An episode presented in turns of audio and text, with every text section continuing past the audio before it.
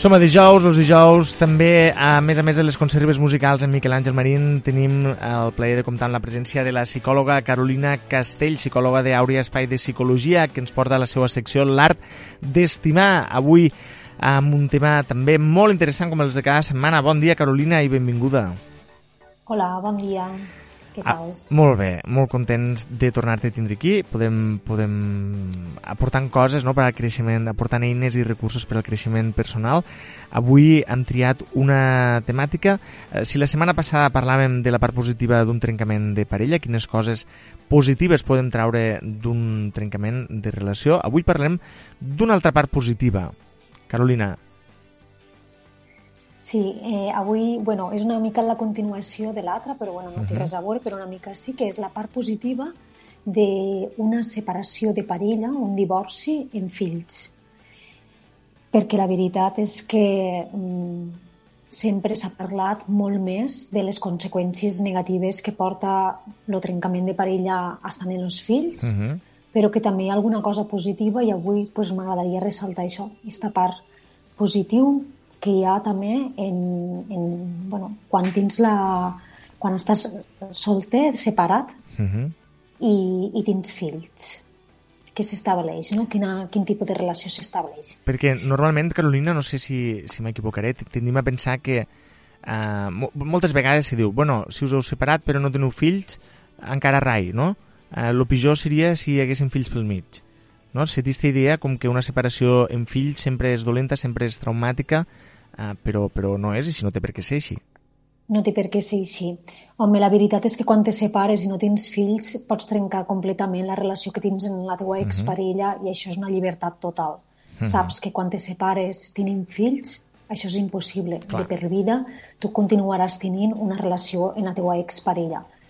Per tant, el missatge sempre, sempre serà que quan millor te portes amb la teva exparella, millor. millor. Quan més te deixes de banda els teus assumptes personals que pots tindre en la teua parella i mirigues a la teua exparella com el pare o la mare de tons fills i com a tal te tens que relacionar en ell o en ella, uh mhm. -huh. mm, molt millor.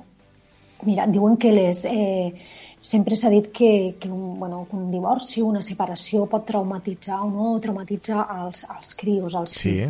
En realitat tampoc és així al 100%, sempre i quan el que són els mm, pares se portin bé. És a dir, el que realment traumatitza o el que realment pot arribar a fer mal a un fill és que els mm, pares, aquella hostilitat, aquella malestar que tenen entre ells, mm, ho feien davant dels fills i Clar. a part se, eh, se nota, perquè és que per molt que te pots aguantar, no? que, que, bueno, que això és un exercici important, però l'important és que faigues net. L'important de tota mm, persona o de tota persona que ha tingut una separació de parella hauria de ser que treballa moltíssim tu, els dos progenitors, per a, que, per a intentar fer net en tot allò que t'ha passat.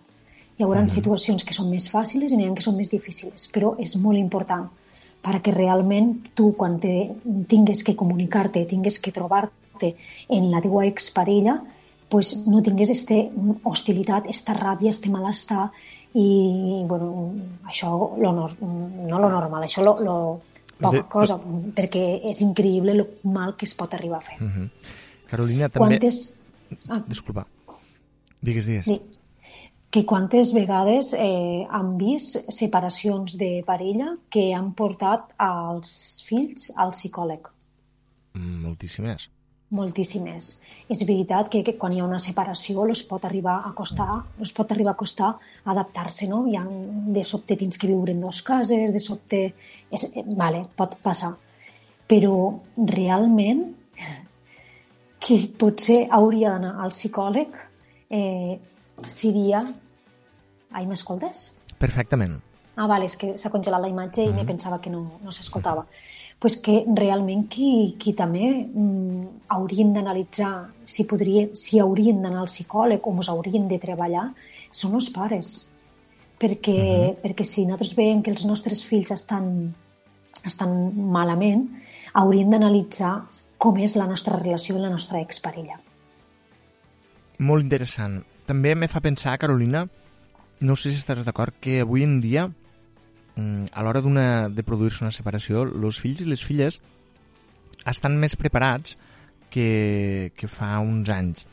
És a dir, està més normalitzat el fet que, que els pares se separen, eh, qui més qui menys, els, els xiquets, les xiquetes tenen amics i amiguetes que els pares també estan separats, no es veuen com a bitxos raros com podia passar fa, per exemple, 30 o 40 anys. Mm, és diferent. No? Suposo que deu ser més fàcil, en certa manera. Sí, la veritat és que sí, que abans mm, podríem dir que el raro era qui tenia els pares separats i ara mm, no vull dir que al 100% ni molt menys, però que sí que és una cosa totalment normalitzada i això fa pues, mm -hmm. que, que es pugui entendre molt millor, no? Uh -huh. I, i que cada vegada més pues, també el que és l'educació al col·legi, els llibres ho tenen més en compte, tot i que encara no, encara no es té en compte no? quan se demana segons quin tipus d'exercici se sí. demana pues, com si totes les famílies o tots els crios tinguessin els pares junts quan en realitat això no, no és així. Tot i així, cada vegada les persones són més conscients, els professors, ¿vale? i uh -huh. sí, cada vegada està més normalitzat i per tant pues, els crios ho viuen d'una altra forma. Ja sabem que, que els crios tenen molta capacitat d'adaptació i el més important per a un crio és... Eh, el més important és Mira, primer que tot, els seus pares, tant el pare com la mare, per a ells serà la cosa eh, més important Clar. De, del món. Això és una cosa que mai ho traurem i no ho hauríem de deixar de traure. Què és el més dolent per a ells? El més dolent és que ens sentiguen parlar malament de la nostra exparella Imagina't que tu t'estimis algú com la persona que més estimes i tingués a unes persones al costat, una persona o tota la família o amics, i sentigues parlar malament d'aquella persona. És brutal. Clar. És brutal per a un crió. Sí. perquè per a ell és, és, és, bueno, és el millor que li ha pogut passar Clar, a la, suposo a la seva que vida. deu generar molts sentiments de ràbia, no? Llavors moltes reaccions de, de, de no parles malament, de, saps? De, com de ràbia sí, cap a aquestes persones. Sí, sí. Sí, la veritat és que també, bueno, també moltes vegades hi ha detrás com un sentiment de culpabilitat dels crios que també ho tenen que traure. De vegades s'utilitzen no? els crios pues, per a fer d'intermediari i per a dir segons quina sèrie de coses i aquestes coses les haurien d'evitar. Això sí. Bé, hem perdut a Carolina Castells, anem a veure si podem recuperar la connexió i tornem de seguida.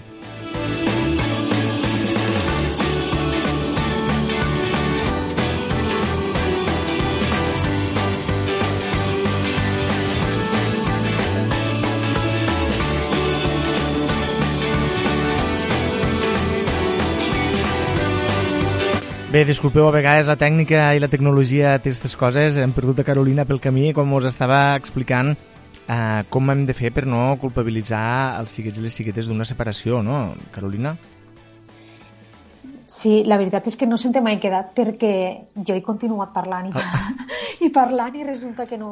no al començament, tallat. just al començament. És que la, la imatge, mm. però bueno, ja m'havies dit que sí que se sentia sí, i hem continuat. La tècnica. Ja, bueno, coses que passen. Uh -huh. bueno, pues, eh, lo que volia comentar també, que és una de les coses que, que escolto sovint a consulta i a moltes persones, és que quan la seva relació de parella ja està, ja està va molt malament, però que volen continuar igualment per el tema de que no, vol, no volen traumatitzar els fills o no volen que els seus uh -huh. els fills pateixin. Mm, i la pregunta és, realment, què volem transmetre nosaltres als fills? Què és el que volem transmetre? Perquè en, en este cas el que fem és que, primer que tot, podem arribar a transmetre que tenim que aguantar-ho tot. El dia de demà trobarem a mhm. crios uh -huh. que potser aguantaran el que sigui perquè la imi... bueno, el que han viscut a casa és que els nostres pares estaven malament, però aguantaven Han igual. aguantat. Uh -huh. Han aguantat, per tant, això és el que els estem transmetent. Uh -huh. L'altra cosa és que, que realment quin valor de l'amor li estem donant, què li estem ensenyant. Perquè si normalment si la relació de parella no funciona vol dir que podria ser que no hi haguessin discussions, tot i que si no funciona segurament que hi ha discussions i malestar, o imagina't que hi hagi totalment indiferència, no? i estéssim allí aguantant, però que allí no hi ha cap mostra de carinyo ni res. Uh -huh. Què li estem ensenyant al nostre fill en aquests moments? Pues tot el que és l'antítesi del que realment és una relació de parella Clar. sana, conscient. Per tant, què volem? Preferim a dos pares separats, conscients, que ho feien bé, no?, la seva gestió, i que mos vegi els nostres, tant a una banda com a l'altra, feliços? Perquè al final el que tots busquem no és la felicitat. Voldríem això per als nostres fills? Home, jo crec que seria jo crec que seria un ideal, no?, veure que els fills veuen en els seus pares dos, dos persones felices que tenen una vida feliç, tot i que no la tinguen junt, compartida. Exacte. Ells poden arribar a entendre molt bé que els seus pares s'han deixat d'estimar. Poden arribar a entendre que s'han deixat d'estimar. El que els costa molt més és que no es portin bé i, i després també ens poden arribar a entendre que poden ser feliços separats. Clar. Sobretot és el que volem inculcar-los i no volem inculcar-los aquest tipus de relació de parella. No la voldríem parar en ells, per tant no l'hem de voler parar nosaltres. Això és important. Però dit això, que si no es me se'n va el temps sempre, anem a per les... anem a per les parts positives. Sí, exacte. Sempre toquen a corrents. Bueno, avui, avui, avui tenim més marge, tot i que, tot i que hem tingut aquesta petita caiguda tecnològica i ens hem recuperat. A ens interessa saber això, els aspectes positius. Vale, va, anem a pels aspectes positius, vale?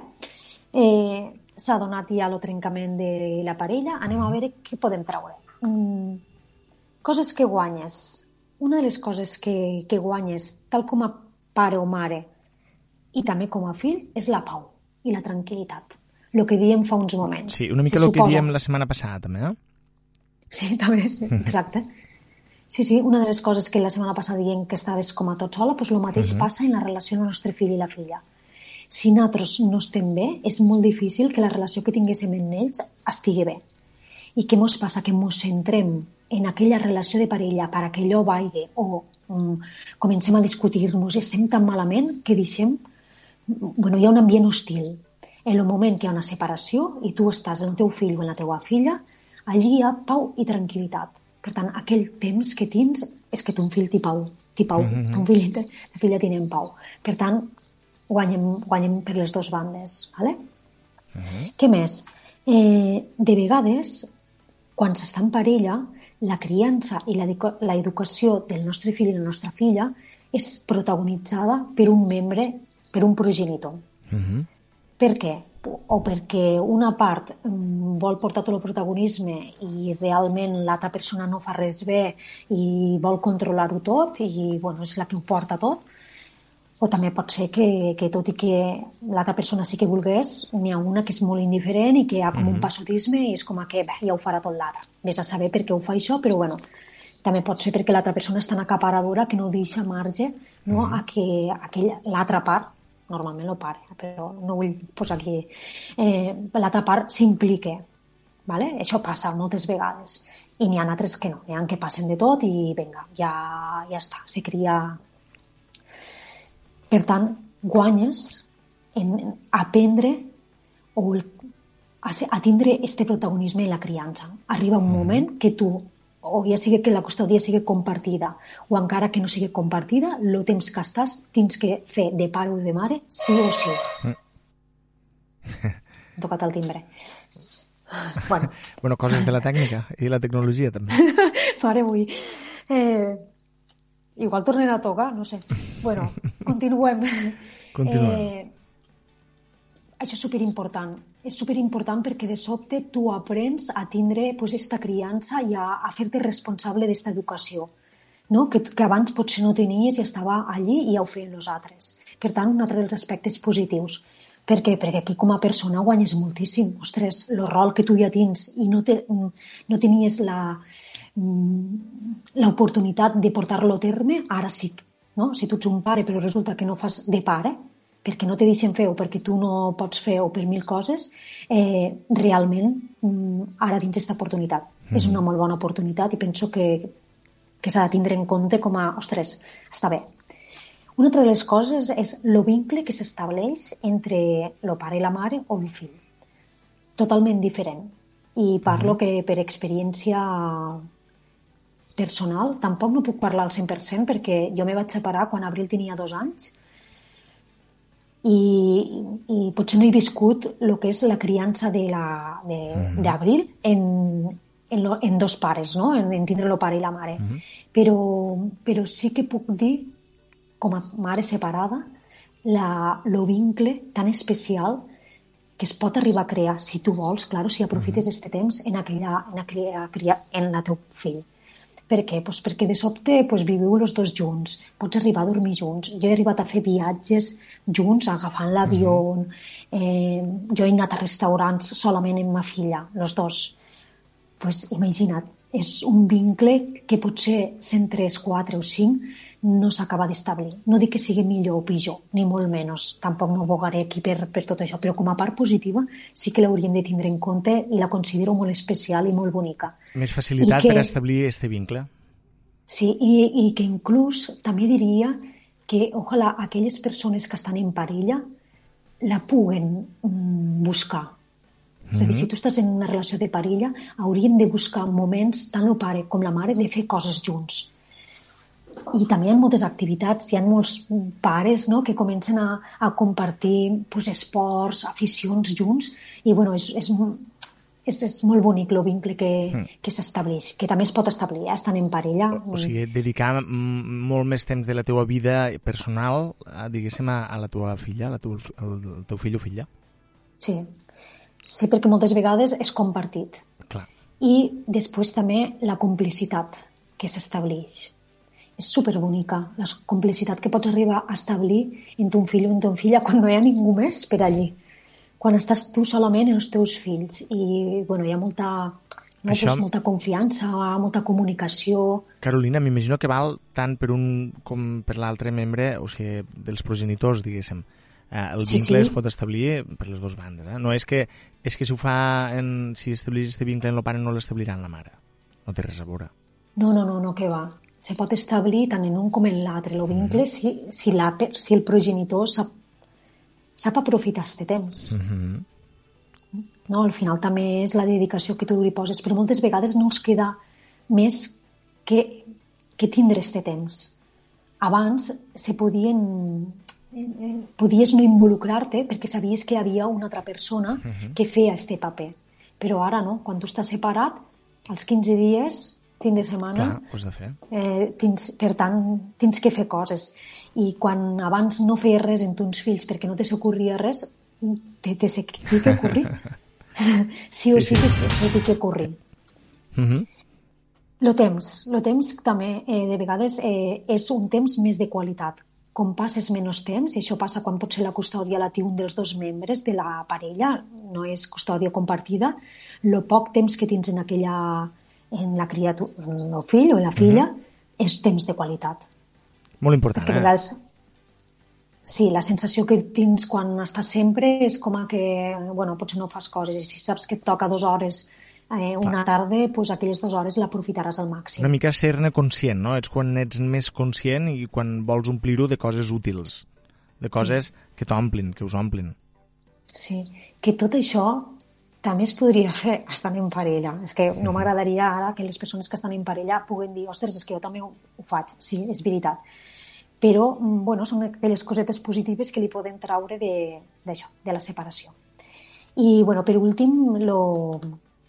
parlar una mica, que ho hem dit al principi, que és que si realment eh, tu estàs bé, quan tu estàs separat, tens molt temps per estar tot sol. Quan estàs tot sol sabem que té molts de beneficis, perquè ho vam parlar sí, l'últim per tant, tu estàs més content i el fet de que tu estiguis més content fa que estiguis millor en el teu fill o la teva filla.